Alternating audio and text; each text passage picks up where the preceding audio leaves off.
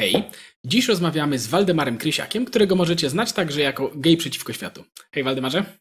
Witam, dobry wieczór.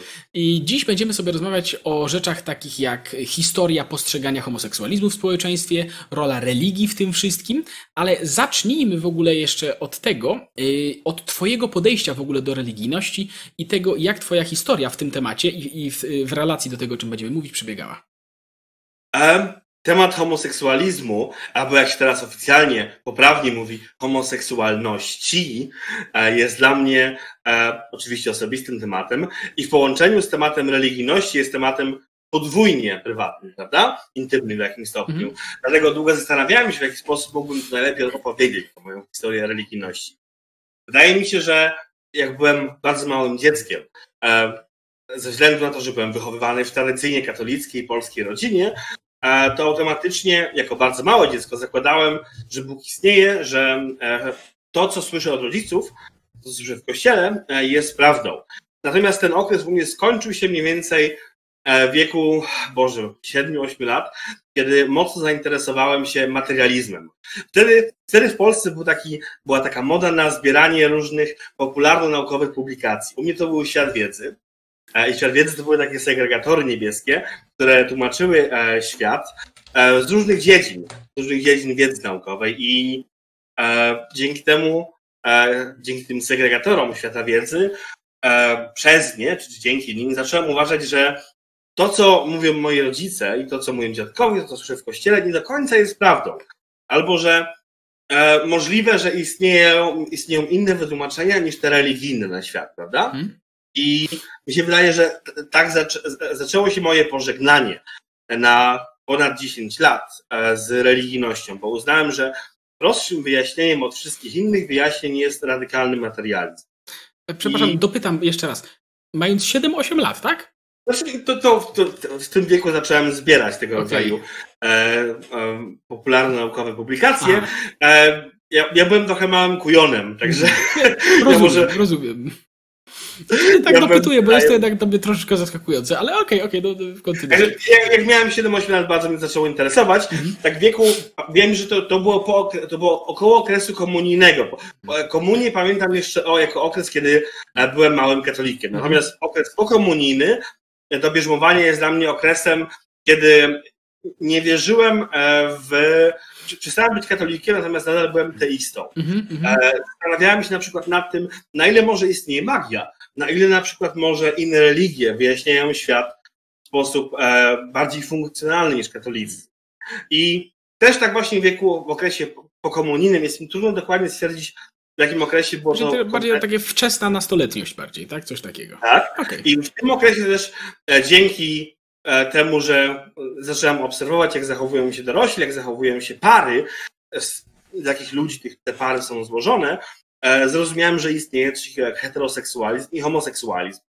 E, na początku nawet nie miałem żadnych nazw na to. Wiedziałem, że e, mnie interesują faceci, chłopcy, natomiast wiedziałem, że też że to, jest, to musi być tak rzadkie, że nie występuje społecznie, że nie jest, nie jest akceptowane w jakiś sposób w naszym społeczeństwie.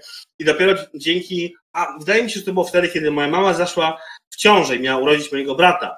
Ja się przejąłem tym, że moja mama jest w takim dziwnym stanie. Wiedziałem, że ciąża może być niebezpieczna dla niektórych kobiet. Moja mama nie była osobą starszą, moja mama była wtedy jeszcze poniżej 40, ale ja starałem się, e, może byłem obsesyjnym dzieckiem. Ja się bałem, że mojej mamie coś się stanie. Mhm. I wtedy zainteresowałem się dokładnie tą sekcją seksualności ludzkiej w świecie wiedzy. E, I wyczytałem, jak się e, ciąża rozwija, jak do ciąży w ogóle dochodzi i to świat wiedzy wtedy wyjaśnił mi, że istnieją różne orientacje seksualne. Świat wiedzy był w tym sensie ani bardzo, nie wiem, jakby to dzisiaj powiedzieć, pro-LGBT czy anty-LGBT, był bardzo fachową publikacją mm -hmm. w tym sensie, mimo swojej, mimo swojej szeroko ogólnopolskiego zasięgu. Kilku słowach wyjaśnił, że istnieją różne orientacje, e, możliwe nawet, że istnieją fazy, że niektórzy ludzie mogą E, być niepewni co do swojej orientacji w pewnych faz, momentach życia. Natomiast to było wszystko, ani specjalnie, znaczy była sucha informacja, której się dowiedziałem i która mi wtedy bardzo pomogła, bo nigdy nie musiałem przechodzić przez tą fazę, przez którą przechodzi wiele osób, e, osób nieheteroseksualnych albo osób zagubionych seksualnie, tej fazy odrzucenia samego siebie, gdzie ludzie mają wyrzuty sumienia, że odczuwają takie, a nie inne nie wiem, pociągi seksualne. Nigdy nie miałem tej fazy, kiedy brzydziłem się samym sobą, kiedy myślałem, że seks jest czymś brudnym, że seks jest czymś niemoralnym. Także za ten świat wiedzy i za suchą, popularną naukową wiedzę jestem do dzisiaj bardzo wdzięczny. Tak to wyglądało i w tym samym czasie zrozumiałem, że homoseksualizm jest czymś, E, czego nie da się pogodzić z katolicyzmem. To jest też pogląd, o którym możemy porozmawiać później, ale pogląd, z którym do dzisiaj się w dużym stopniu zgadzam. Mhm. I e, to zrozumienie, że jestem gejem i że nie mogę być gejem i katolikiem jednocześnie, doprowadziło lata później do tego, że już jako e, zdeklarowany antyklerykał i ateista dokonałem apostazji w wieku 18 lat. Mhm. Apostazja była pierwszą rzeczą, jaką zrobiłem po dostaniu dowodu. Ja muszę przyznać, że przez wiele lat byłem e, wyjątkowo zirytowany tym, czym jest katolicyzm, jak wygląda przynajmniej na wsi wiara mhm. e, w Boga, bo to, to jest coś, o czym dzisiaj napisałem na tygodniku Solidarność w ramach mojego felietonu co poniedziałkowego, także zapraszam do przeczytania całego tekstu, ale religijność w naszym domu wyglądała tak, że była przymusem. Mhm. To znaczy, musieliśmy chodzić do kościoła co tydzień, czasami nawet częściej, bo e, nie wiem, maj jest miesiącem maryjnym, e, październik również, z tego co pamiętam. Także e, chodziliśmy na te dodatkowe nabożeństwa i to był ten przymus, którego nie lubiłem. Kazania w kościele nie były zbyt ciekawe, podobnie jak ciekawym nie było klęczenie przez, nie wiem, 30 minut po mszy na specjalnym, dodatkowym nabożeństwie na zimnej podłodze. To nie jest coś, co się podoba nastolatkom, co się podoba dzieciom. A religijność w moim domu wyglądała też tak, że w nocy moja babcia wbiegała do mojego pokoju, żeby zrywać ze ściany plakaty z Harrym Potterem, bo to szatan. Także okay. taki, był, taki był mój obraz religijności, nie wiem, polskiej, religijności wszelkim. Wydaje mi się, że identyfikowałem każdą religijność z tą religijnością w moim domu i to w dużym stopniu przyczyniło się do mojej apostazji. Mhm aczkolwiek później, z tego co pamiętam, nastąpiła jednak y, pewna zmiana perspektywy na to wszystko. Mhm. Tak, to wyglądało tak, że e, e, po tej apostazji, e, będąc absolutnie przekonanym, że jedynym poprawnym wyjaśnieniem świata, na to jak działa świat, interpretacją świata jest radykalny materializm. Mhm. E, później zacząłem zastanawiać się nad innymi interpretacjami religijnymi, nie tymi takimi e, nie wiem, ludowymi, gdzie e, magiczny Żyd Jezus jest przybity do jakichś desek i dzięki temu otwiera się jakieś przejście e, w niebo, w niebie, bo tak naprawdę po części to dla mnie wcześniej wyglądało. E, zacząłem czytać więcej tekstów religijnych, a pod sam koniec mojej fazy ateistycznej znalazłem publikację Petersona, który był dla mnie pierwszym, pierwszą inteligentną osobą, która w racjonalny sposób potrafiła wyjaśnić to, jak e, można interpretować religijność bez odwoływania się do tych magicznych elementów. Mhm. Bo mi się wydaje, że to był mój największy problem z religijnością zawsze, że e, wiara w magię, znaczy magiczne myślenie. To rzeczy znaczy, nadprzyrodzone rozumiem ogólnie bardziej szerzej, tak? Tak, rzeczy nadprzyrodzone wydaje mi się, e, mimo, te, mimo tego, że wróciłem do bycia teistą, wydają mi się czymś, co nie może istnieć. E, ze względu na to, że jeżeli świat, znaczy mówię tutaj o, o cudach, gdzie komuś mhm, odrasta mhm, ręka, mhm, no, no, no, no. jeżeli wierzymy w to, że e, świat został, jeżeli wierzymy w e, cud stworzenia świata racjonalnego, to nie może w nim istnieć, nie mogą w nim istnieć takie rzeczy jak cuda, gdzie ktoś ze względu na to, że bardzo, bardzo czegoś pragnie, bardzo, bardzo Boga o coś prosi, to dla niego teraz zostaną zawieszone prawa fizyki, prawa biologii, no i jemu ta noga odrośnie. Ale nie odrośnie, powiem, że nie dorasta. To Także... o, o, tym też kilka słów powiemy potem, ale, ale nie przeszkadzam. Nie, nie, wiesz, e, to jest e, e, bardzo trudno jest mi się wydaje ze swojej własnej przeszłości utkać takie tak, tak czyste, tak jasne płótno, które pokazuje, co się dokładnie gdzie wydarzyło. Mhm. Ja pamiętam, że dużą rolę w moim porzuceniu ateizmu odgrywało, odgrywała choroba mojego taty. Mój tata zmarł parę lat temu na raka. I konfrontacja ze śmiertelnością, która wcześniej wydawała mi się czymś, była dla mnie czymś bardzo abstrakcyjnym, w tym momencie stała się czymś realnym. I e, to miało jakiś wpływ na przykład na to, że e, przestałem być ateistą. Jakiś wpływ na to, e, kiedy miałem, potem zaczęła się depresja na przykład, rozpadły się moje związki i zacząłem też wątpić szczerze w tą wizję świata, jaką miałem wcześniej. To znaczy, oprócz tego, że byłem radykalnym materialistą, e, mówię tutaj o filozoficznym znaczeniu tego słowa, mm -hmm, to, e, to byłem też radykalnym lewakiem w wielu punktach. I e, posiadając tą teorię e, progresywnej lewicy, która stara się tłumaczyć świat, e, nie wiem, zmieniłem miejsce zamieszkania z Polski na Szwajcarię, ze Szwajcarii na Berlin. I skonfrontowa skonfrontowany z tym, jak wygląda rzeczywistość na przykład społeczności LGBT, z tym, jaka była teoria, to porównanie między rzeczywistością a teorią, e, to było coś, co w pewnym sensie otworzyło mi oczy na temat tego, że materializm albo sam postęp nie wyjaśnia wszystkich rzeczy i sprawia, znaczy trudno mi było niektóre rzeczy zaakceptować, wyjaśnić. Nie wiem, to może brzmieć bardzo abstrakcyjnie, ale na przykład jako materialista uważałem, że e, jako nie wiem, też postmodernista, że e, e, tak długo jak, kon, jak kontakty seksualne dzieją się za wyrażoną zgodą obu, obu partnerów, lub obu lub więcej, nie mogą one być negatywne, nie mogą mm. mieć negatywnego wpływu. Znaczy, tak długo jak jest wyrażona zgoda ze wszystkich stron, wszystko jest ok, nie jest to niemoralne.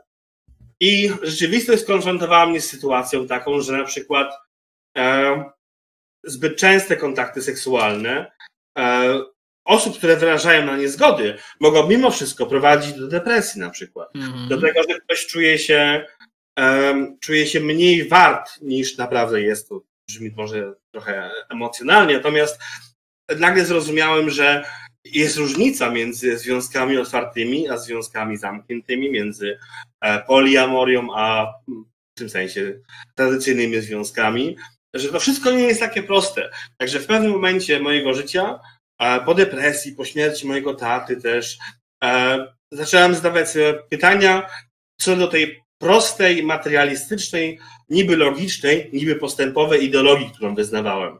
I im dłużej zadawałem sobie pytania, tym więcej, tym więcej pojawiało się tych pytań z innej strony, tym, tym mniej było odpowiedzi w dużym stopniu. Mhm. I do tego dochodzi jeszcze pewnie fakt, że e, kiedy miałem depresję, e, miałem. Trudno jest opisać, co to dokładnie było, bo miałem takie przeżycie, e, które można by określić albo przeżyciem bliskim śmierci, albo przeżyciem, nie wiem, bycia poza ciałem, mhm. E, które było dla mnie przeżyciem religijnym, pierwszym moim przeżyciem religijnym ever w tym sensie. I nie było przeżyciem w tym sensie przyjemnym, bo miałem wgląd, patrzyłem na, na świat i na swoje życie z zewnętrznej perspektywy. E, i, I miałem wrażenie e, w tej halucynacji, w tym przeżyciu bliskim śmierci, niech to e, każdy nazywa jak chce, miałem wrażenie, że jestem że jestem, że całe moje dotychczasowe życie było w pewnym sensie bez sensu.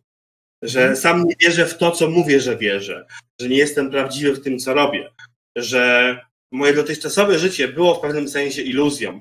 I to było straszne uczucie, to było uczucie, ja byłem nie, niepełen, nie byłem... E, czegoś byłem, brakowało. Czegoś brakowało i kiedy, kiedy wróciłem do siebie, zdałem sobie sprawę, że nie jestem w stanie e, szczerze wyznawać tego, co myślałem, że wyznaję. Mhm. Także e, potrzebowałem około roku, może nawet dwóch lat, żeby zaakceptować to, że e, dopuszczam istnienie rzeczy, których, w które wcześniej nie wierzyłem, że możliwe, że jest więcej niż myślałem, że jest, że zwyczajnie nie miałem racji. Mhm. I tak z małego katolika, e, który później stał się e, wierzącym w magię i zabobon w dużym stopniu e, teisty, z tego teisty, który zamienił się w antyklerykała i antykatolika ateistę, zamieniłem się znowu kilka lat temu w teistę. I na chwilę obecną największą pomocą dla mnie w zrozumieniu tego, czym jest religia, jest wspomniany już wcześniej przeze mnie profesor Peterson, kliniczny psycholog e, z Kanady, który stara się wyjaśnić fenomeny religijne w sposób racjonalny, bez uciekania się do myślenia magicznego, co dla mnie mhm. jest czymś bardzo pozytywnym. Dobra, spoko. To jest bardzo, bardzo wszystko ciekawe, naprawdę. I ja tak dopytam jeszcze, czy, żebym, czy dobrze zrozumiałem, że tak powiem, pełny obraz, y, na którym, że tak powiem, teraz stoisz. Y, teraz tak. byś siebie określił jako teista, tak? I yy, nie jesteś naturalistą, tak? Czyli dopuszczasz istnienie rzeczy, które wykraczają poza, mm, poza zrozumienie, tak? Poza, poza y, poznawalną, że tak powiem, fizyczną rzeczywistość, aczkolwiek nie nie jesteś w żaden sposób przekonany co do na przykład cudów, tak, czy łamania praw fizyki, tak to chyba, tak to chyba znaczy, ująłeś, tak? tak? Ja bym to ujął podobnie jak Peterson to ujmuje, że istnieją rzeczy, o których wiemy, mhm. istnieją rzeczy, których, o których wiemy, że nie wiemy, istnieją rzeczy, o których nawet nie wiemy, że nie wiemy. Tak. Także w tej trzeciej kategorii prawdopodobnie jest, są, nie, nie, nawet nie mam pojęcia, jakie mogą rzeczy znajdować się w tej kategorii. Uważam, że na co dzień lepiej jest się tymi rzeczami specjalnie nie zajmować, bo... Jestem pewien, tak zapytam dwie rzeczy. Pierwsza rzecz to jest, gdzie w tym wszystkim wkładasz to swoje doświadczenie mistyczne? To znaczy, uważasz, że to był tylko wytwór y, jakiś, y, y, że to był tylko wytwór twojego organizmu w sytuacji stresowej, czy że może, czy że może dostałeś, że była to jakieś doświadczenie czegoś więcej niż na co dzień widzimy właśnie. Ja, ja jestem ciekaw, jak to, jak to, jak to ty interpretujesz. Najprostsza, najprostsza odpowiedź będzie taka, czy w ogóle, dlaczego w ogóle zakładamy, że to są dwa różne typy doświadczeń, bo tak, mhm. jeżeli wychodzimy z założenia świata racjonalnego, to nawet te doświadczenia mistyczne mhm będą miały biologiczną podstawę. One, one nie będą się mogły wydarzać wbrew temu, co jest możliwe. Tak, tak, Także tak, tak. tak. wszystkie doświadczenia mistyczne są realnymi doświadczeniami dla naszego umysłu. Czy my przypisujemy powód do tego doświadczenia, czemu jest czymś osobnym? Tak.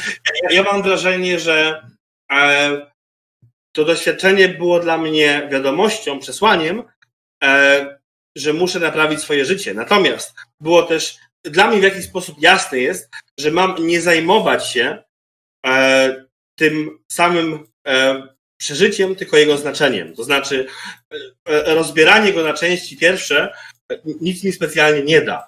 Mam się zająć tym, mam się zająć tym, e, co przeżyłem. Jest, Ducha Boże, jak to wyjaśnić. E, mam się zająć przesłaniem, a nie jego e, nosicielem. Nie, okay. nie, E, rozumiem, tylko że tutaj jest kilka, tutaj jest kilka pytań ponownie, ponieważ mówisz, że e, przesłanie, tak, i, i znaczenie, to impli, używanie przynajmniej tego, tych słów implikuje, że ktoś jedn, że, że, że stoi za tym jakaś informacja. Ale kto jest autorem tej informacji? E, straciliśmy dźwięk? Ja cię nie tak? słyszę? Tak? No już jesteśmy, już jest dobrze. Okej, okay, jesteśmy. Pytanie, kto jest autorem tej informacji, którą miałbyś zinterpretować, czy, czy na którym przesłaniu miałbyś się skupić? Nie mam pojęcia. Jakaś twoja, znaczy... twoja nieświadomość, czy... czy, czy...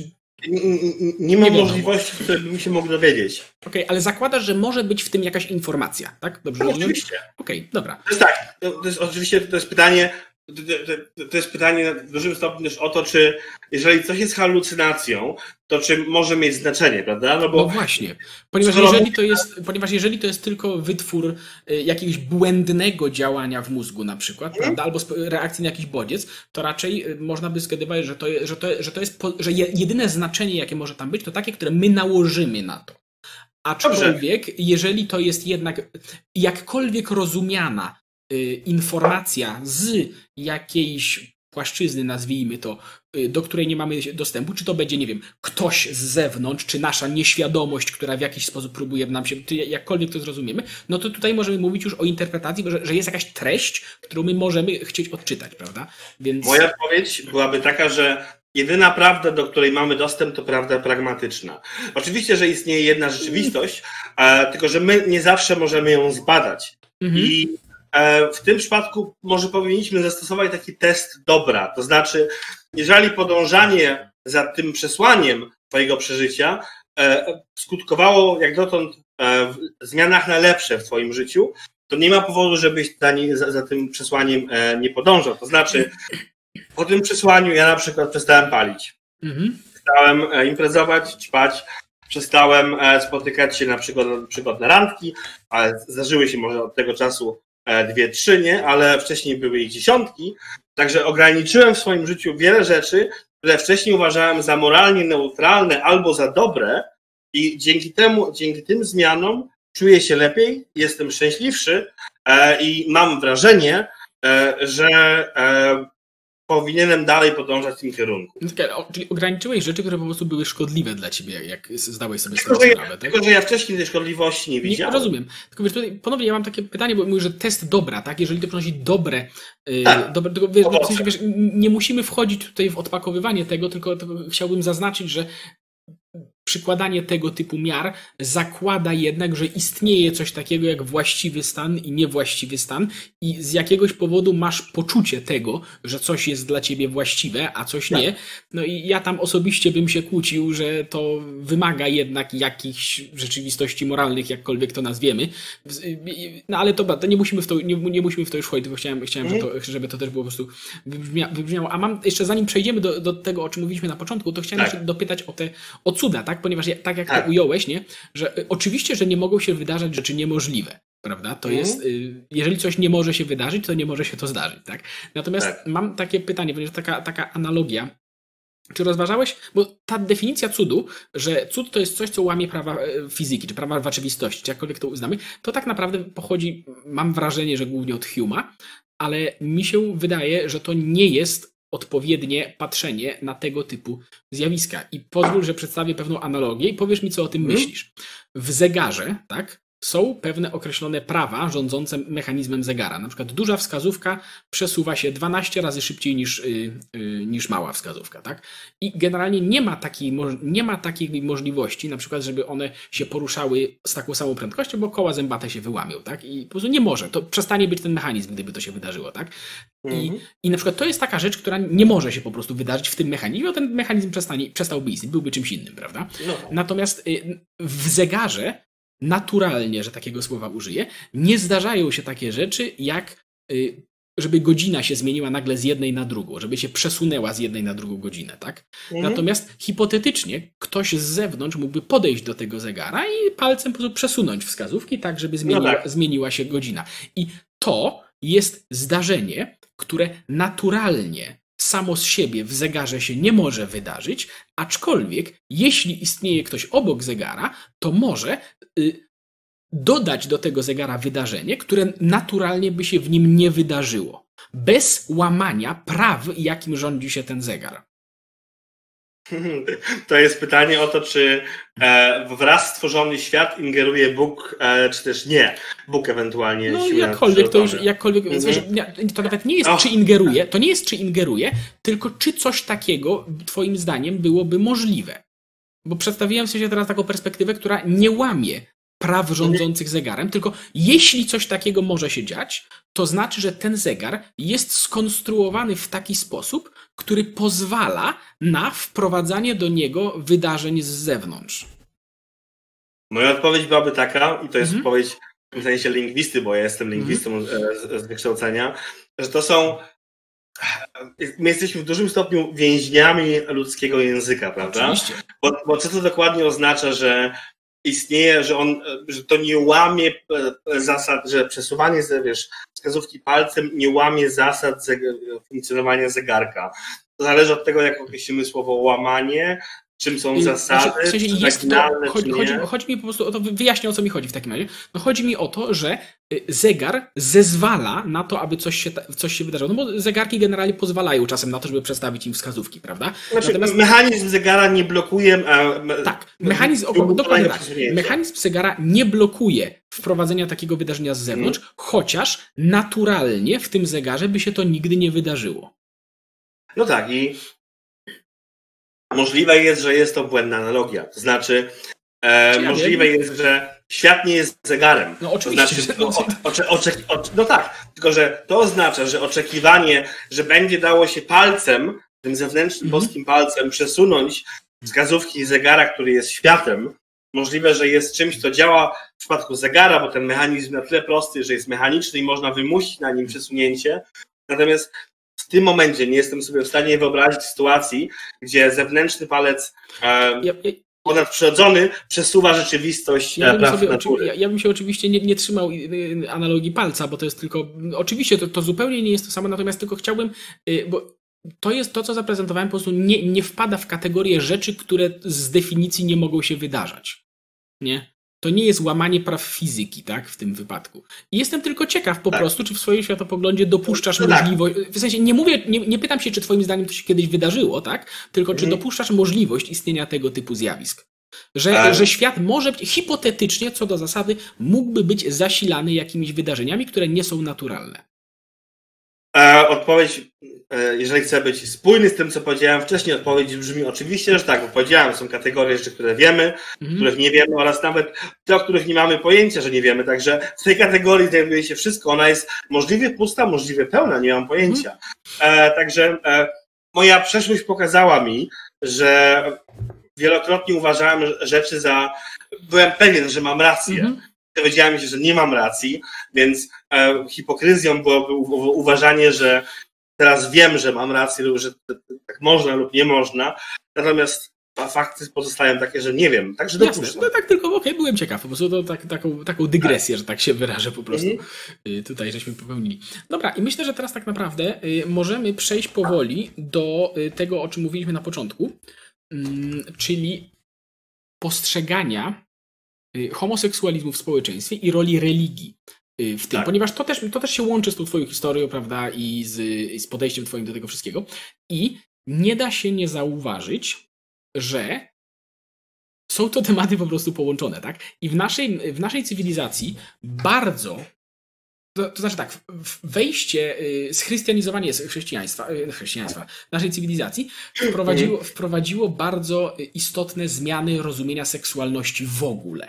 Tak? I to mhm. nie jest tak, że ono wprowadziło zmianę postrzegania homoseksualizmu stricte, tylko w ogóle wszystkiego w, w, w seksualności. I, yy, i na homoseksualizm, że tak powiem, też się na to załapał. I ja słyszałem nawet taką bardzo, bardzo interesującą koncepcję. Powiedz mi, co na ten temat myślisz też. Mhm. To jest obserwacja Toma Hollanda z książki Dominion, który w ogóle twierdzi, że chrześcijaństwo, to znaczy, no, że tak powiem, dziedzicząc po judaizmie, tak, po, po, po religii hebrajskiej, wprowadziło w ogóle do naszej cywilizacji takie kategorie jak homoseksualizm, tak jak dziś to rozumiemy. To znaczy, w starożytnym Rzymie na przykład, prawda, nie było kategorii osobnej na homoseksualistów, na homoseksualizm, natomiast była kategoria na seks pasywny i aktywny. W, w akcie seksualnym byłeś albo stroną aktywną, Y, albo stroną pasywną, tak? Albo, mhm. stron, albo stroną, która, że tak powiem, dokonywała, albo stroną, która odbierała. I, mhm. na, I na przykład no, prawo rzymskie, prawda, pomimo już relatywnie tolerancyjne jak, tamte, jak na tamte rejony, prawda, to y, zabraniało aby obywatel Rzymu, przypomnijmy obywatel, to nie, to nie byli wszyscy ludzie w imperium, tylko, że tak powiem, uprzywilejowani już dość, aby obywatel Rzymu był stroną pasywną. Tak? To znaczy nikomu, nikogo, nie obcho, nikogo nie, obchodziło, nie obchodziło, czy mężczyzna, będący obywatelem Rzymu, w co komu, gdzie, że tak powiem. Natomiast jeżeli byłby stroną pasywną, no to za to była już kara. I absolutnie nie wolno, ponieważ to było A. postrzegane jako właśnie, jako bo w ogóle, że tak powiem, zacznijmy od tego, w, bo w ogóle stosunek seksualny był, był postrzegany w tamtej narracji jako Y, no jedna osoba była nadrzędna, druga podrzędna, tak? I nie można było stawiać obywatela Rzymu w tej podrzędnej pozycji. I nieważne kto z kim, ważne kto co komu, że tak się wyrażę. I tamta opinia sam tej książki jest właśnie taka, że y, postrzeganie mm, aktu seksualnego w ogóle jako czegoś równoważnego, jako, jako, jako unię dwóch równoważnych bytów, zajmijmy to, mhm. nazwijmy to, wprowadziło do, tej, do tego postrzegania właśnie chrześcijaństwo, jednocześnie stwierdzając, że jeżeli ta Unia, y, y, jeżeli popatrzymy na to, na to równoważnie, to y, jeśli są to osoby tej samej płci, to jest to niewłaściwe, tak? Już możemy dojść do tego potem, jak to było kiedyś mhm. określone, jak to jest dzisiaj określane. Natomiast, i, natomiast jestem ciekaw, i wiesz, i w ogóle, w ogóle też pojawiło się tak naprawdę w tradycji już tak naprawdę chrześcijańskiej y, postrzeganie jako niewłaściwe też y, związku dwóch kobiet, tak? Ponieważ to zwykle było w ogóle ignorowane historycznie prawdopodobnie, prawda? W dużej mierze, a przynajmniej, przynajmniej znaczy, okej, okay, no, zapraszam do zgłaszania krytyki zaraz do mhm. tego wszystkiego. Bardzo chętnie. No, to, to się cieszę. Natomiast, yy, natomiast mówię, że, że to, teza z tamtej tej książki była taka, że to, jak dzisiaj postrzegamy te kategorie, mhm. to też jest tak naprawdę produkt y, schrystianizowania tej naszej cywilizacji. I jestem ciekaw, co o tym myślisz po prostu. Myślę, że najprostsza odpowiedź będzie, to zależy. Okay, to znaczy, dobrze. to jest po części prawda no. i to jest po części też nieprawda, bo tak, e, absolutnie racją jest, absolutnie prawdą jest, że e, starożytność postrzegała, nie postrzegała seksu jako unii, jako zjednoczenia dwóch osób, które były równe. Mhm. To znaczy dominacja mhm. i w związkach heteroseksualnych mhm. i nieheteroseksualnych w starożytności odgrywa bardzo ważną rolę. Mężczyzna z kobietą, kiedy uprawiają seks w starożytności, też nie są równymi osobami. Także stąd też są e, prawdopodobnie legendy żydowskie o tym, że e, Lilith prawdopodobnie mhm. możliwie pierwsza żona Adama nie chciała spółkować z nim, będą leżąc pod nim, tylko nad nim.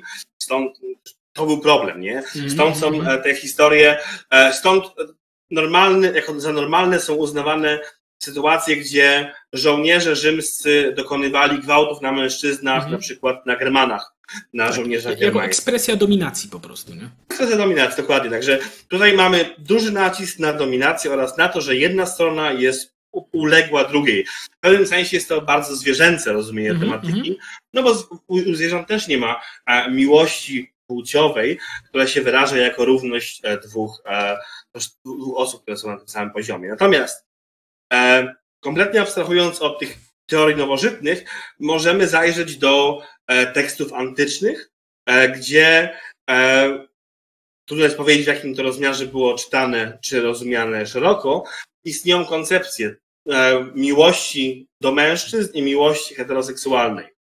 E, dobrym przykładem takiego tekstu jest e, Lukian, autor nazywa się Lucjan albo Lukian, Erotes, czasami tłumaczony jako Amores, który jest, ten tekst jest rodzajem lekko zabawnej, lekko poważnej, filozoficznej dyskusji pomiędzy dwiema osobami i sędzią.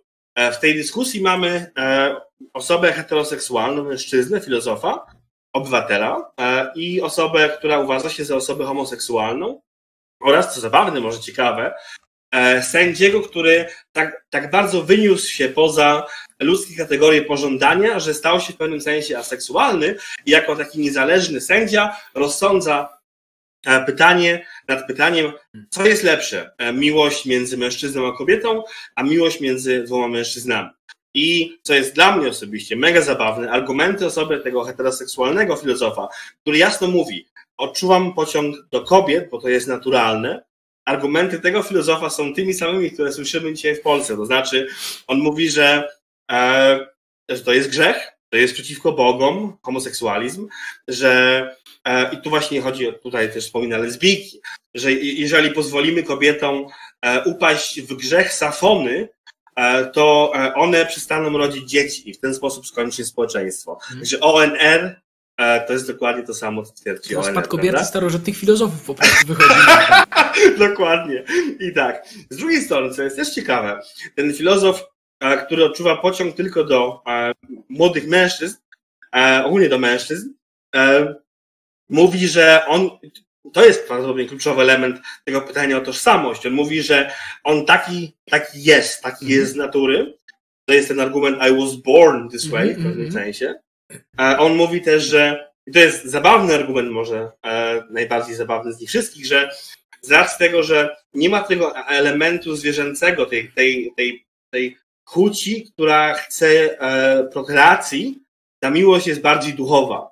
E, mhm. I dwóch mężczyzn łączy się w miłość e, bardziej wyniesioną poza naturalne potrzeby, poza zwierzęce potrzeby tej heteroseksualnej miłości. Także ostatecznie tym, ten tekst jest ciekawym przykładem tego, on napisany jest około 100 lat po Chrystusie, także jeszcze za wcześnie, żeby chrześcijaństwo miało wpływ na, na ten tekst. Mhm. E, ten tekst pokazuje, że pytanie o to, czy seksualność może być tożsamością, mhm. istniało już w Jasne. tym okresie.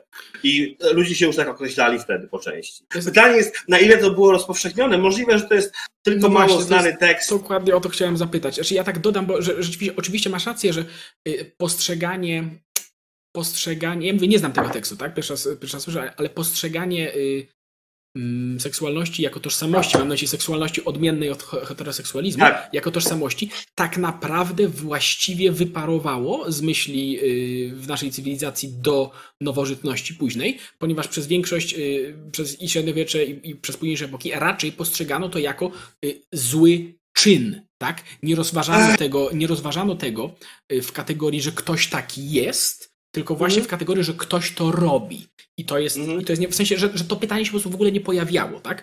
I, i dopiero podczas nowożytności, kiedy to przestało być, po, przestawało powoli być tematem tabu, to, że tak powiem, powoli żeśmy wrócili do tego, no i teraz, kiedy bada się to naukowo, to już w ogóle, że tak powiem, jeszcze jest osobny temat. Natomiast, yy, no okej, okay, no tak chciałem to tylko, chciałem to tylko dodać. Mi jest, mi jest bardzo trudno ocenić jako niehistorykowi, jako osobie, ja się zajmowałem historyczną lingwistyką, to wszystko, mhm. ale mi jest bardzo trudno jako, jako lingwiście w tym sensie ocenić na przykład na ile e, obie strony argumentu, tego pytania o to, czy e, na ile homoseksualizm był akceptowalny, na ile był potępiany, bo to są dwa argumenty w dużym -hmm. stopniu, mi jest bardzo trudno odróżnić propagandę e, od faktów. To znaczy, dobrym przykładem e, historyka, który zajmował się tym tematem i który, w przypadku którego bardzo trudno rozróżnić te dwie rzeczy, jest John Boswell, Boswell napisał książkę Same-Sex Unions in mm -hmm. Pre-Modern uh, Europe, I think, mm -hmm. uh, czyli o związkach uh, jednopłciowych przed, we wczesnochrześcijańskiej Europie.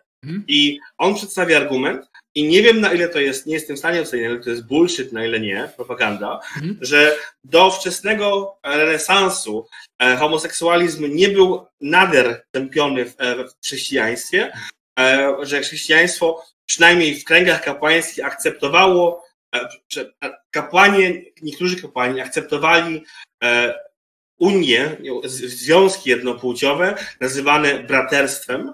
Na ile to jest seksualne na przykład? To jest dobre pytanie, nie mam pojęcia. No z drugiej strony e, są historycy, którzy krytykują tego rodzaju podejście, którzy mówią, że jest to w dużym stopniu interpretacja e, znaczeń różnych słów, natomiast z drugiej, z drugiej strony Boswell argumentuje, że i pokazuje, że te słowa używane w kontekście, w kontekście e, Sergiusza i e, miał, on twierdzi, że istniało dwóch świętych, którzy byli uważani za e, partnerów seksualnych, Sergiusz i Bachus, którzy są według niego przykładem pary homoseksualnej, która była uważana za męczenników. Z drugiej, z, drugiej, z drugiej strony, historycy chrześcijańscy argumentują, że jest to nadinterpretacja. Tylko tak, komu mam wierzyć? Boswell był w dużym stopniu e, takim właśnie wczesnym e, LGBT aktywistą. On -hmm. zmarł w latach 90., na krótko przed na krótko po opublikowaniu swojej najważniejszej książki, właśnie o tych wczesnochrześcijańskich rzekomych związkach homoseksualnych. Z drugiej strony, czy mam wierzyć e, historykom kościelnym, którzy z racji tego, że wiara chrześcijańska jest kumulatywna mhm. i nie można teraz odrzucić nagle części nauczania z przeszłości, części postanowień z synodów, e, z różnych e, przemyśleń teologicznych. Komu mam wierzyć? Czy mam wierzyć jednej stronie, która jest zainteresowana przedstawieniem swojej wersji wydarzeń, czy drugiej? Nie mam pojęcia. Jasne. Znaczy tak, ja, Bozwela, wydaje mi się, że czytałem jakieś opracowanie jego kiedyś, bo chyba książek samodzielnie, natomiast jeżeli w, w tak krótki komentarz co do tej kumulatywności, to oczywiście ta kumulatywność dotyczy y, założeń doktrynalnych, tak? Natomiast, no tak, natomiast ale, jeżeli chodzi no. o, że tak powiem, postrzeganie społeczne pewnych rzeczy, to tutaj już myślę, że jest dość większa, większa wolność. Natomiast ja się też spotkałem z tego typu, że spotkałem z tego typu. Może tak, że ten temat wbrew temu, co się czasem gdzieś tam czyta, przez sporą część historii był po prostu tematem tabu, tak? Że nie, nie, istniała, jakaś, nie istniała jakaś aktywna aktywne prześladowanie tych ludzi, czy coś takiego,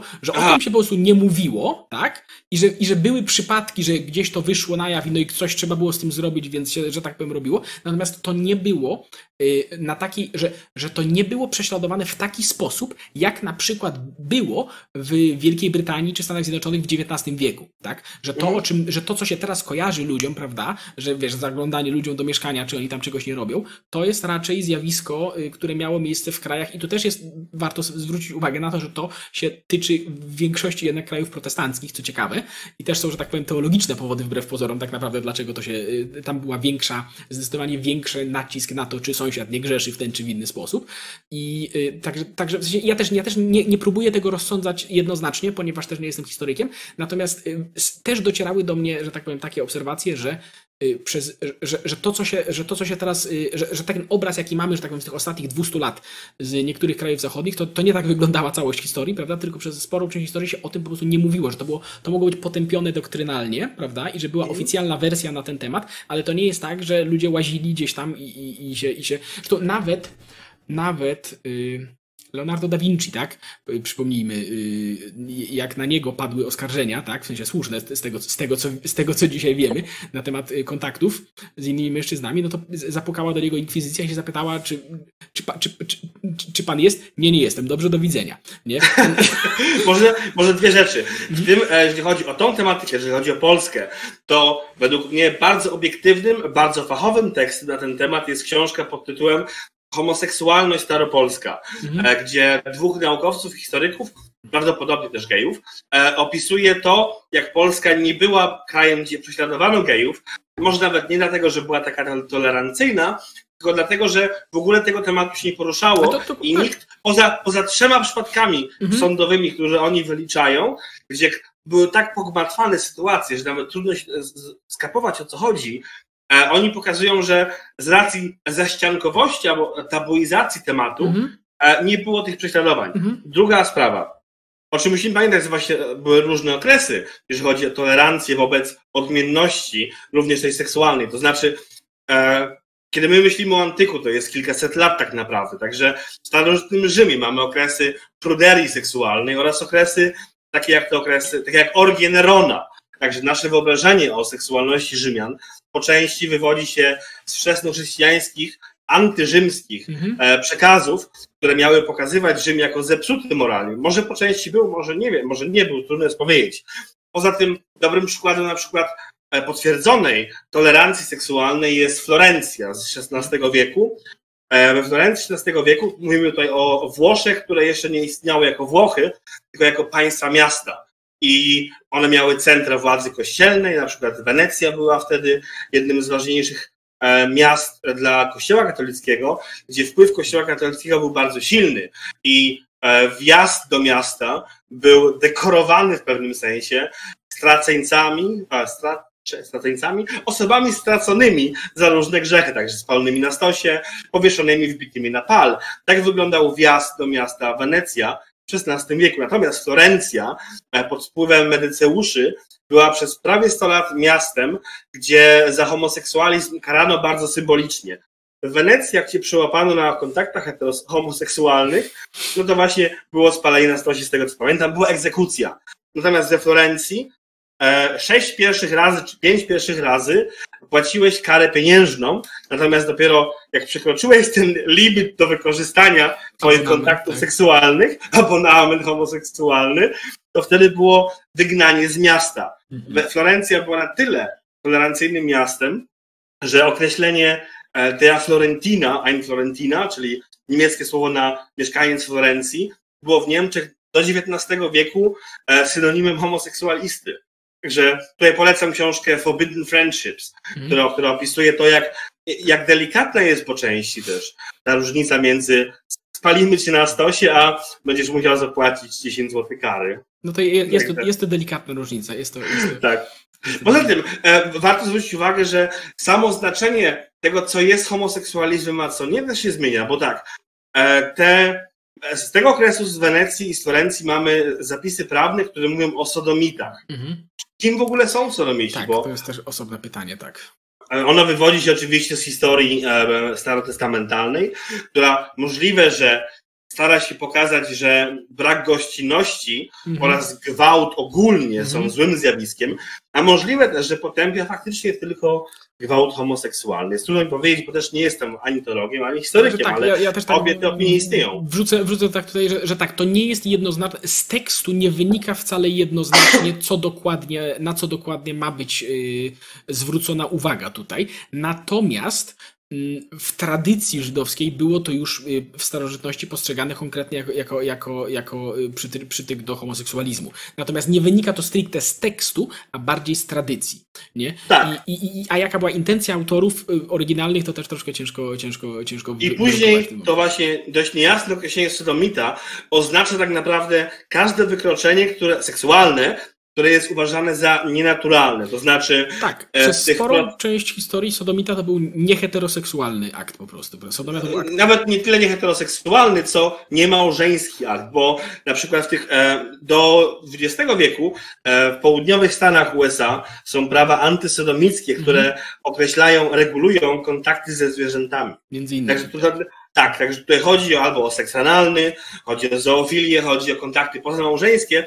Jeżeli chodzi o e, te, e, jeżeli chodzi o procesy tak zwanych uffizi della notte, czyli urzędu nocnego, który badał we Florencji tego rodzaju wykroczenia, to za sodomię uważa się również seks analny z młodymi dziewczynami, które ze względu na uszkodzenie mhm. odbytu e, składały skargi. Ich, ich bogaci rodzice skarżyli się, że ich córka doznała szkody.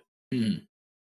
Ale oczywiście sodomita przede wszystkim oznacza homoseksualistę. Mm. Też nie, chcę mówić, że o nie, to może oznaczać wszystko. To nie może oznaczać wszystko, to oznacza też po części również tak, geja. Ale, ale, ale, to, też, ale to, też tylko, to też tylko pokazuje, że, że, że postrzeganie tych kategorii po prostu yy, było inne nieco, na pewno inne niż, niż jest teraz, prawda? I że, po prostu, że postrzeganie całego tego tematu po prostu zmienia się, yy, zmienia się przez setki lat. Tylko mam wrażenie, że zgubiliśmy jakieś pytanie, które gdzieś tam przed sekundą się pojawiło. Ale... Zgubiliśmy pytanie? Wiesz co? Wiesz co? Mi się wydaje, że ja się często zastanawiałem, znaczy często, ostatnio, jak pisałem gdzieś na blogu, zastanawiałem się nad tym, e, jak bym postrzegał homoseksualizm, gdybym na przykład żył w czasach starotestamentalnych. Jak sobie wyobraziły taką sytuację, gdzie jesteś mhm. członkiem plemienia, które tak, musi przeżyć, e, musi się rozmnażać po to, żeby w ogóle kontynuować ród, kontynuować rody, które się w tym plemieniu znajdują. E, w sytuacji świata przednaukowego, mhm. gdzie nie higiena mhm. nowoczesna, gdzie nie istnieje e, kanalizacja, gdzie nie istnieją sposoby e, radzenia sobie z e, przynoszonymi przez kontakty płciowe chorobami wenerycznymi. W takiej sytuacji, kiedy jedyną rzeczywistością, jaką znasz, jest małżeński seks z twoją małżonką lub małżonkiem, zależnie od twojej płci, w tej wyimaginowanej historii, w takiej sytuacji ktoś kto bardzo mocno odbiega od tej normy, oczywiście, że jest zagrożeniem dla Twojego plemienia, dla płodności twojej, Twojego rodu, e, dla tej całej community, którą mm -hmm. tworzą e, Twoi pobratymcy, pobratymcy? Nie, nie znasz tak, tak, myślę, że. Także w tej sytuacji bardzo łatwo jest e, dojść do wniosku, że tak zwani sodomici są opętani przez demony, pokarani przez Boga. To znaczy coś jasnego. W sensie to nawet nie trzeba wchodzić w aż takie, y, ale to, to dokładnie o to chciałem zapytać, że tak powiem, o społeczne, że tak powiem, nawet czysto, y, o czysto społeczne y, powody postrzegania tego w różny sposób, oczywiście mediowane przez tradycję i religię. Do tego wszystkiego, co wymieniłeś, warto dodać, że warto też dodać, że praktyki seksualne y, starożytnych Hebrajczyków, zwłaszcza, y, podejście do praktyk seksualnych też było sposobem na odróżnienie się od innych plemion, prawda? Gdzie to było mhm. bardzo, gdzie to było bardzo, y, gdzie to było znacznie większa swoboda, że tak powiem, w tym była, więc, więc, więc angażując się w coś takiego, też sugerowałeś, że w jakiś sposób że w jakiś sposób angażujesz się w coś, co robią tylko obcy, prawda? I tak, i tak z czysto, nawet z czysto tej perspektywy do Dlaczego? Co, co to ma znaczyć? Co Pan chce nam powiedzieć przez to, prawda? I tak dalej. I pomijając nawet przez ta, pomijając już tutaj takie czysto pragmatyczne rzeczy, jak to, i, i, w tym momencie oczywiście nam to się wygodnie tak dyskutuje na spokojnie o tym, prawda? Ale jak się mieszka w jakiejś wiosce na zadupiu, że tak powiem, prawda? I nie, nie wiesz, czy za tydzień przyjadą barbarzyńcy, wszystkich spalą żywcem, prawda? Nie wiadomo, czy nie będzie jakiejś klęski żywiołowej, czy to naprawdę ilość ludzi w plemieniu, czy tam we wiosce, czy w miasteczku, jest niewyobrażalnie ważna i w interesie wszystkich jest, żeby każdy miał tyle dzieci, ile się da.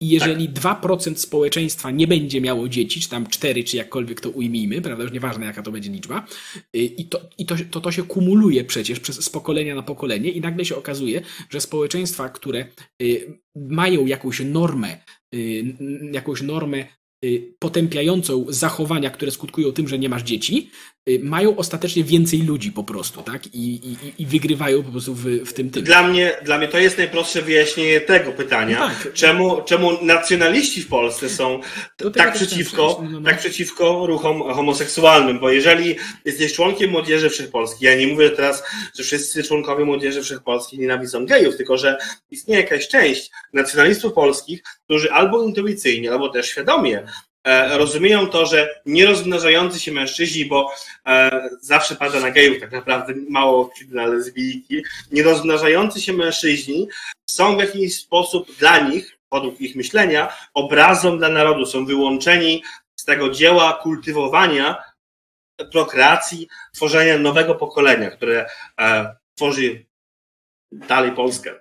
Tak, i to jest bardzo ciekawe, bo to też zahaczyliśmy o to w naszej ostatniej rozmowie i to jest bardzo ciekawy punkt, bo ja jednak mimo wszystko nie sądzę, aby tego typu przemyślenia. Też tak, myślę, że to jest słuszna obserwacja, ale nie sądzę, aby to było świadome przemyślenie. Myślę, że to jest raczej na warstwie odruchowej i, tak. i to jest bardzo ciekawe dla mnie, ponieważ na jakiej warstwie to się dzieje?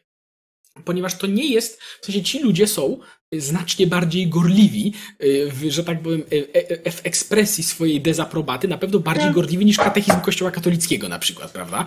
I, to prawda. Więc, więc tutaj jestem bardzo ciekaw po prostu na jakiej warstwie się to mediuje, ponieważ jest to w jakiś sposób odruchowe, w tego typu środowiskach, ale nie jestem do końca pewien, skąd się to w tym momencie bierze. Zwłaszcza, że ponownie warto przypomnieć, że my nie mamy tak naprawdę tradycji prześladowania homoseksualistów, taka jak gdzieś tam by się dało znaleźć jednak w niektórych krajach. To nie jest tak, że zjada, pradziada tak robili, więc my też musimy. Nie, nie powiedziałbym, prawda?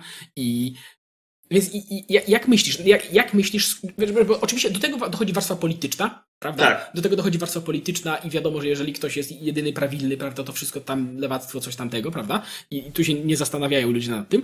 Natomiast, y, natomiast wydaje mi się, nie wiem, mam wrażenie, może niesłuszne, ale mam wrażenie, że w jakiś sposób jest to zakorzeniony właśnie, nie, nie, wiem, czy sądzisz, powiedz mi co uważasz, czy sądzisz, że może być tak, że jest to, że ten odruch, który, powie, który hmm. opisałeś teraz, jest w jakiś sposób zakorzeniony gdzieś głębiej i następuje ekspresja tego zupełnie nieświadoma i nie wywo, wywołana, że tak powiem, zastymulowana być może przez wejście, w, przez, przez patrzenie na społeczeństwo przez pryzmat konfliktu politycznego i, i, i jak sądzisz? Wydaje mi się, że są dwa wyjaśnienia. Mm. Zacznę od tego prostszego, które lewica uwielbia, mm. bo tak, e, w, pewnym dobra, sensie, wiem, wiem, które, tak? w, pewnym sensie, w pewnym sensie poniża ono e, słusznie, niesłusznie nacjonalistów. Istnieją badania, które pokazują, że mm. u osób, e, które odczuwają wstręt do homoseksualizmu, następuje e, aktywacja naczyń krwionośnych e, w, e, znaczy, w narządach rozrodczych, w konfrontacji e, z pornografią homoseksualną. Czyli tak. najprościej mówiąc, istnieje jakaś mała subpopulacja e, ONR-owców, nacjonalistów, którym trochę staje, jak widzą. Znaczy, jak widzą e... Wśród osób po prostu bardzo aktywnie antygejowskich, tak. tak to nazwijmy, istnieje nadreprezentacja gejów po prostu. Tak skrytych, dobrze.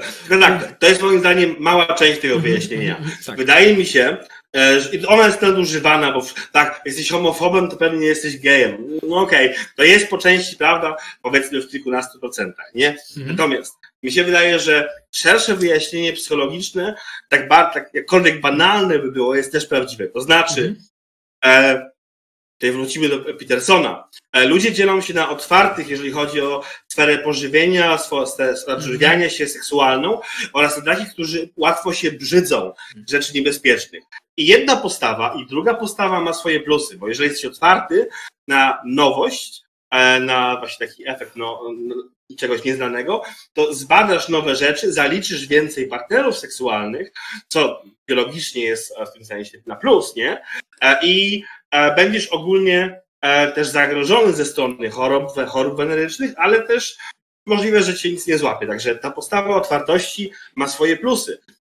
Ta postawa brzydliwości też ma swoje plusy, bo osoby, które będą się e, odruchowo brzydziły zachowań e, seksualnych nieklasycznych z osobami, które nie znają, z osobami, które nie odpowiadają im preferencjom seksualnym jeden, jeden do jeden, te osoby ostrożne seksualnie, które się łatwo brzydzą różnych rzeczy, nie zapadną na, może się rzadziej rozmnożą na przykład, ale nie zapadną na nie, nie zachorują na niektóre choroby weneryczne, nie będą e, tracili czasu na przylotne kontakty seksualne, które nie będą produkowały potomstwa. I mi się wydaje, że ogólny podział na osoby otwarte i osoby e, raczej łatwo brzydliwe jest tym podziałem, który wyjaśnia, czemu u niektórych osób występuje coś na kształt homowstrętu, bo to określenie też słyszałem mm -hmm. wśród nacjonalistwa to właśnie, wśród dość radykalnych nacjonalistów, którzy tak to tłumaczyli, że ich brzydzi. To nie jest tak, że oni się boją. To jest, to jest prawda. Homofobia jest zbyt prostym wyjaśnieniem. On, tutaj nikt się nie boi gejów w tym sensie, tylko są osoby, które intuicyjnie lub nieintuicyjnie e, brzydzą się niestandardowych kontaktów seksualnych. To będzie dotyczyło poza homoseksualnymi kontaktami prawdopodobnie również kontaktów niestandardowych, seksualnych z kobietami. Ja te rozmowy miałem akurat, miałem szansę mieć z paroma nacjonalistami mm. i oni tłumaczyli mi, że na przykład ich również brzydzi pomysł seksu analnego z kobietą. To się będzie tylko multiplikowało moim zdaniem, jeżeli chodzi o mężczyznę, bo dla nich tu się będzie nakładał grzech na obrzydliwość i to się tylko będzie pomnażało. Natomiast to są osoby, które ogólnie e, są dość wrażliwe na, w tej sferze seksualnej. Y, myślę, że jest to po części też. Y, Podobnie, myślę, że to jest część tego, tak dla jasności. Bo... Czy masz jakieś te wyjaśnienie? Tak, tak, znaczy, to, to, to, jest tylko część. Ja, ja, może zgłoszę po prostu mały sprzeciw do tego, czy małą uwagę do tego. Tak dla jasności mówiąc, że mówiąc o Petersonie, Peterson cytuje tu Jonathana Haida. I to też warto podkreślić, mm. że, że, ta, że ta, ta, ta perspektywa na różne aspekty moralności pochodzi głównie od Jonathana Haida. I natomiast tak, i myślę, że po części tak, ale wydaje mi się, że jest tutaj coś jeszcze, ponieważ y, tak jak mówisz, tak jak mówiłeś wcześniej, właśnie tak, bardzo istotny punkt z tym obrzydzeniem, tak, że, że reakcja, jaka jest tutaj, bo to, to jest też coś, coś, czego ludzie w ogóle sobie nie zdają sprawy, a y, to jest coś, co warto wiedzieć po prostu, prawda? Hmm? Że y, ludzie, którzy mają, że tak powiem, największą niechęć, to nie jest, to oni się nie boją, tak? To są ludzie, których, u, których, u których jest wzbudzane obrzydzenie i to jest bardzo ważne, ponieważ ludzie, którzy się boją czegoś, można ten lęk zwłaszcza jeżeli lęk jest nieracjonalny, można zmniejszyć, wystawiając go na ten bodziec raz za razem. Tak. Ludzi, którzy się brzydzą, tak, to będzie działało dokładnie odwrotnie. Jeżeli raz za razem będzie pokazywał człowiekowi coś, czego on się brzydzi, w nim to będzie tylko potęgować. Także to, to, to jest ważne rozróżnienie, zwłaszcza jeżeli ktoś chce do tego podchodzi w jakiś sposób. Natomiast nie jestem przekonany, czy to wyjaśnia, w sensie to wyjaśnia ponownie tylko część moim zdaniem, bo tak jak mówiłeś wcześniej, no nacjonaliści raczej, czy nacjonal... osoby, które mają problem, że tak powiem, w tym skrzydle yy, światopoglądowym z tym tematem, mają raczej zwykle znacznie mniejszy problem z lesbijkami.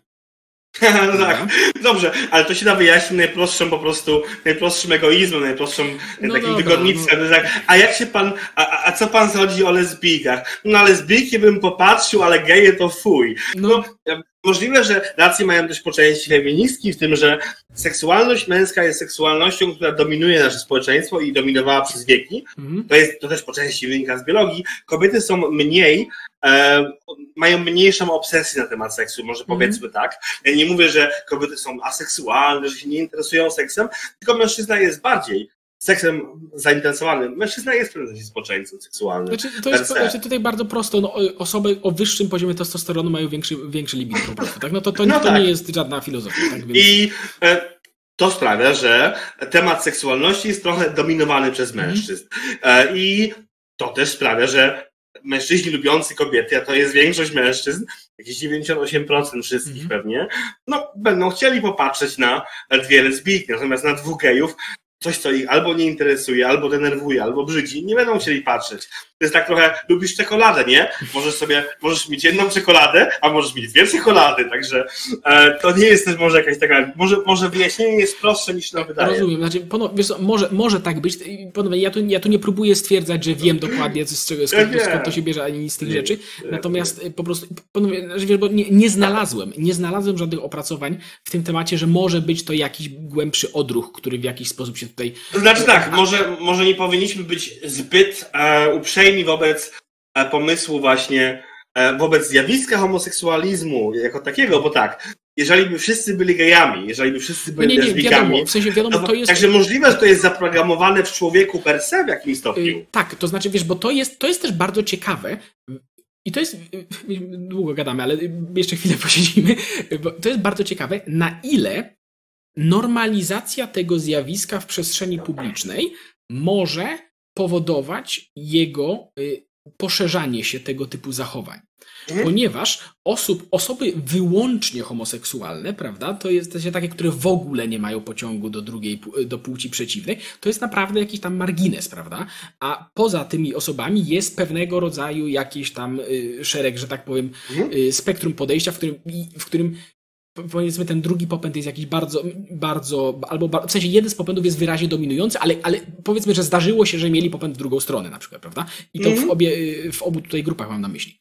I y, pytanie brzmi, i może tak być, to nie jest, to nie jest wydaje mi się, że w, w, świetle tego może tak być, nie, nie będzie chyba radykalnym stwierdzenie, że normalizacja czegoś, normalizacja y, tego w przestrzeni publicznej będzie prowadziła do tego, że więcej ludzi na przykład zacznie eksperymentować z tym, prawda? Mhm. Ponieważ skoro wszystko jest w porządku, skoro to nie jest temat tabu, skoro nie ma tego, to i, i to może się też przekładać na te skutki społeczne, o których mówiliśmy wcześniej. I potem, ale mówię, mówię to jako hipotezę, tak? Bo ja nie wiem oczywiście. Nie, nie wiesz co? To jest coś, bo my, my po części zastanawialiśmy się, ty i ja, nad pytaniami, które moglibyśmy odpowiedzieć, i to jest coś, co ja też sprawdzałem wiele razy, pisząc mm. tekst na ten temat. I tak, e, ogólnie prawdopodobnie pytanie da się zredukować do pytania, czy można, czy da się promować homoseksualizm, tak, tak, tak. Zachowa zachowania czy, homoseksualne czy, da się promować. Czy promocja zachowań homoseksualnych prowadzi do zwiększenia ilości instancji zachowań homoseksualnych? I tak, jak spojrzymy na, ja ogólnie w tych sprawach ogólnie bardzo polecam badania, które są prowadzone przez rządy albo przez instytucje związane z pieniędzmi i zdrowiem, bo te muszą inwestować jakoś, nie? Mm. Także jak się zapytamy w gazecie tęczowej, to wiadomo, że no, będzie no tak, no. 10% społeczeństwa to gej, jasne. Tak, tak, tak. Natomiast jak się spojrzy na oficjalne dane, na przykład tutaj mamy Sexual Orientation and Health amongst US adults. Mhm. No i e, to nam wypluwa e, 1,6% jako geje albo lesbijki, a lesbijki jest prawdopodobnie trochę mniej niż gejów. Mhm. Także 1,5% społeczeństwa to są osoby homoseksualne. Wyłącznie. E, rozumiem. Wyłącznie. 0,7% e, to są osoby biseksualne, nie? I to są dane z 2013 roku. E, jak spojrzymy na mniej rygorystyczne badania, na przykład tutaj Sexual Orientation UK 2017 rok, no to mamy minimalne zwiększenie się, chociaż tak, w przypadku gejów nadal mamy 1,5% e, i 2% osoby biseksualne, nie? Także ja. ja no to jest, rozumiem, jak, ale to jest samodeklaracja w tym momencie, prawda? Znaczy, w przypadku Ponieważ... tego pierwszego badania to jest samodeklaracja oraz mhm. sprawdzanie tego, jak ktoś żył. Mhm. Także tutaj są różne sposoby. A co chciałem powiedzieć, może e, po, pozwól, że skończę. Mm, e, mój argument jest taki, bo od lat słyszymy właśnie o promocji homoseksualizmu. Mój argument jest taki, że e, sama liczba osób homoseksualnych się nie zwiększa, natomiast co się zwiększa, to jest, to jest liczba osób niepewnych co do mm -hmm, swojej mm -hmm, seksualności. Mm -hmm. I e, oprócz tego będzie zwiększała się przez promocję zachowań niestandardowych, nawet niekoniecznie e, tożsamości niestandardowych, tak. nawet tu nie chodzi o homoseksualizm, tylko o inne tożsamości, będzie zwiększała się liczba osób zaburzonych seksualnie. To znaczy, mhm. e, jeżeli spojrzymy na liczby dzieci, które identyfikują się jako dzieci transseksualne, transpłciowe, to w Wielkiej Brytanii w 2017 roku mieliśmy generalny strajk w jednej z największych klinik, największej klinik, e, które zajmują się e, operacjami tranzycji wśród dzieci e, uważających się za transseksualne. Mamy wzrost liczb taki. E, w 2016, 2010 roku na przykład było to, były to 94 operacje na osobach poniżej 16 roku życia, 94 osoby w 2010 roku, a w 2017 było to 2519 operacji. Także mówimy o ogromnym wzroście, jeżeli chodzi nie, nie o same zachowania homoseksualne, natomiast o osoby nieletnie uważające, że są przeciwnej płci niż naprawdę są. Tak, ale jeszcze tak dodam, bo ja w tym momencie nie mam tutaj y, wyników badań, ale mm. przy sobie, ale jest, y, jak się spojrzy na samą deklarację nawet wśród nastolatków, to jest tak, tak. wysoki wzrost właśnie niepewności. Niepe, nie, nie, niepewności co do własnej orientacji. Nawet y, zaburzenia to jest to, co, to, co dodałeś jasne, ale nawet co do y, tego, ale i to wynika, i to akurat wydaje mi się, że wynika stricte właśnie z normalizacji tego w przestrzeni publicznej. I w sensie mam na myśli, mam na myśli wzrost tego i ponownie, oczywiście, że się nie, nie zwiększa ilość homoseksualistów faktycznie, no oczywiście, mhm. że nie, ale zwiększa się osób, wydaje mi się, że jak najbardziej można powiedzieć, że zwiększa się liczba osób niepewnych, które nie wiedzą, jak do tego podejść, ponieważ nie mają już albo, albo nie mają, y, że tak powiem, stanu domyślnego, tak? Albo tak. wręcz nawet, to mówię, zależy od środowiska, ale jestem w stanie wyobrazić sobie, prawda, gdy, gdzie istnieje dodatkowy impuls w postaci bycie członkiem y, środowiska LGBT, to są dodatkowe punkty do prestiżu w niektórych środowiskach. Tak, też, tak. Prawda? Ważną publikacją w tym temacie jest książka pani Abigail Schreier Irreversible Damage, nieodwracalna, nieodwracalne uszkodzenie, nieodwracalna szkoda. E, Schreier zwraca uwagę, że e, zawsze istniały osoby nieheteronormatywne, zawsze istniały osoby też transseksualne. Natomiast zjawiskiem, które można zaobserwować w ostatniej dekadzie, dwóch, jest stworzenie całej subkultury mm -hmm, wokół mm -hmm, tego mhm, zjawiska. Mm -hmm. I przypad, bo ona zbadała przypadek dziewczyn. zjawisko właśnie zaburzeń tożsamości płciowej, transseksualizmu zawsze było związane przede wszystkim z mężczyznami, jak większość zaburzeń seksualnych ogólnie. Natomiast w ostatnich 20 latach proporcje się kompletnie odwróciły. Jest to, są to głównie dziewczynki, które identyfikują się jako mężczyźni e, i te liczby wzrastają z roku na rok i z roku na rok tworzy się silniejsza, e, tworzy się większa grupa subkultury, która w momencie, kiedy dokonujesz coming outu, nawet już nie jako osoba właśnie homoseksualna, ale transpłciowa, otacza cię wsparciem. Mhm. Stajesz się częścią LGBT, mimo że nie ma to per se związku z seksualnością. I myślę, że to jest to, o czym mówisz ty, że e, e, promocja w tym sensie zachowań nieheteronormatywnych mhm. prowadzi do zwiększenia się liczby osób, które nie wiedzą, jak się identyfikować. Tak, i to, co też powiedziałeś, ja nie jestem pewien, czy mówimy o tej samej y, autorce, ale widziałem wywiad chyba, chyba z nią u Joe Rogana, w której ona zwracała uwagę, tak. że y, tego typu właśnie zachowania, o którym mówisz, że w momencie, kiedy że stanie się osobą nieheteronormatywną, y, automatycznie dołącza cię do społeczności, automatycznie tak. dołącza cię do czegoś, y, do, do, otacza pewną opieką dodatkową, prawda?